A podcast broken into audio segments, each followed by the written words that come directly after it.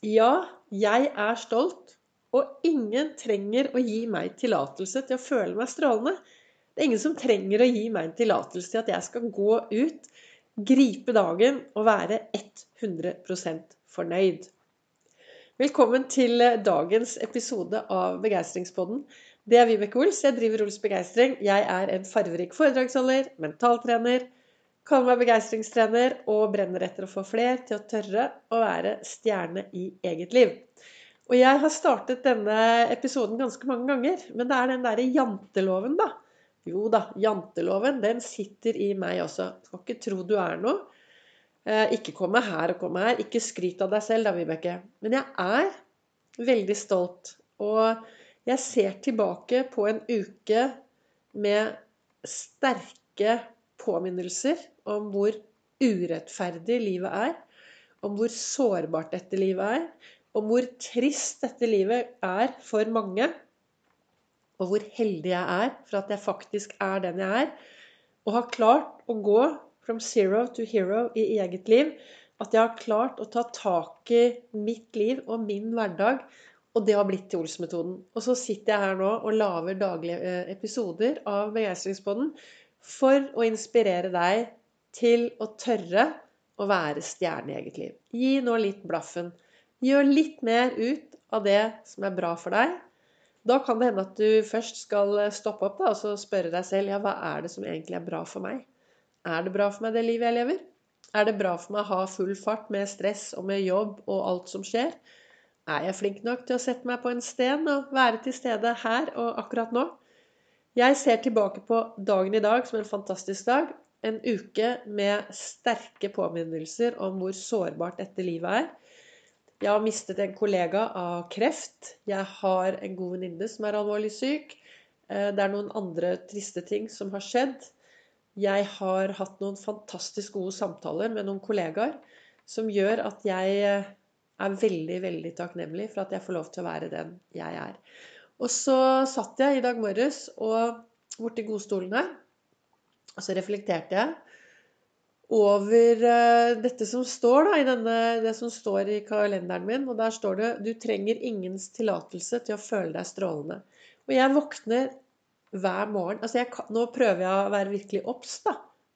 Hvem er du når du våkner, Vibeke? Jeg kan ikke huske en eneste dag jeg, hvor jeg var litt sur eller gretten. eller et. Jeg våkner med knallhumør og bare hopper inn i dagen. Jeg gjør det, bokstavelig talt. Hopper ut av senga med Olsfokus og er eh, skikkelig glad og skikkelig fornøyd. Det har jo ikke alltid vært sånn. Eh, jeg tror en av grunnene Altså, jeg har, ja, jeg har gått fra dette ikke ville leve til å være levende. Det har dere hørt mange ganger. Men sånn veldig kort, da. Eh, jeg har jo veldig fokus. Det siste jeg tenker før jeg går og legger meg, er alltid noen gode, optimistiske og positive tanker. Og med det, å ha med seg det inn i søvnen, så er det mye enklere å våkne i godt humør. Så det er i hvert fall det jeg bruker å påvirke meg selv. Og i dag så sto jeg opp. Eh, stakkars hippie, hun fikk en eh, knøttliten eh, morgentur sånn før seks. Og så dro jeg ut på en lang, lang sykkeltur. Og hvorfor gjorde jeg det? Jo, det er jo det da at jeg har dysleksi. Det er denne dysleksien min. Hæ, må du sykle fordi du har dysleksi? Ja. Jeg har så mange ideer, og så setter jeg meg ned da, for å begynne å skrive, og så får jeg totalt sperre. For det, da kommer jo alle disse minnene opp fra ungdomstiden og barne, barndommen når jeg skrev med alle røde streker og strøk i norsk og sånn. Så da setter jeg meg på sykkelen, og så sykler jeg ut i denne vakre verden og så kommer ideene, og så stopper jeg opp, og så leser jeg det inn. inn og så har jeg noe å jobbe med når jeg kommer hjem. Og så hadde jeg dagens livesending hvor jeg snakket om én ting som jeg tenker er viktig. Hva om vi alle begynner å se de menneskene vi møter på vei, som verdifulle mennesker? I går snakket jeg om forventninger, og jeg er litt i tvil om jeg glemte å si dette med verdifulle. Fordi jeg tenker at det, å, vi har så mye forventninger. Men stopper vi noen gang opp f.eks. også og spør hva slags forventninger har andre til meg? Eh, er jeg den andre forventer seg? Er jeg en god rollemodell? Gjør jeg en god figur? Og hvordan ser jeg på andre mennesker? De menneskene jeg møter. Vi vet så lite om hva de har med seg i bagasjen. Vi aner, og det, det er noe jeg virkelig har fått erfart siste uken, hvor lite vi vet om de menneskene vi møter, hvor lite vi vet om de menneskene vi ferdes med hver eneste dag. Og da er det Hvis vi da kunne bli flinkere da, til å møte alle og se på alle som et verdifullt menneske, og se de og det for meg betyr, Hvis jeg skal se et annet menneske og være til stede for et annet menneske, så betyr det å ta av mobilen.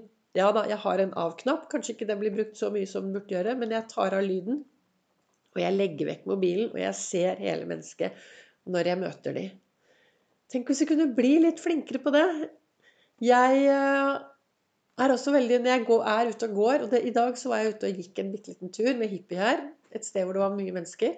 Og, det, og så slo det meg guri meg. Så begynte jeg å følge med. da, Begynte å fokusere.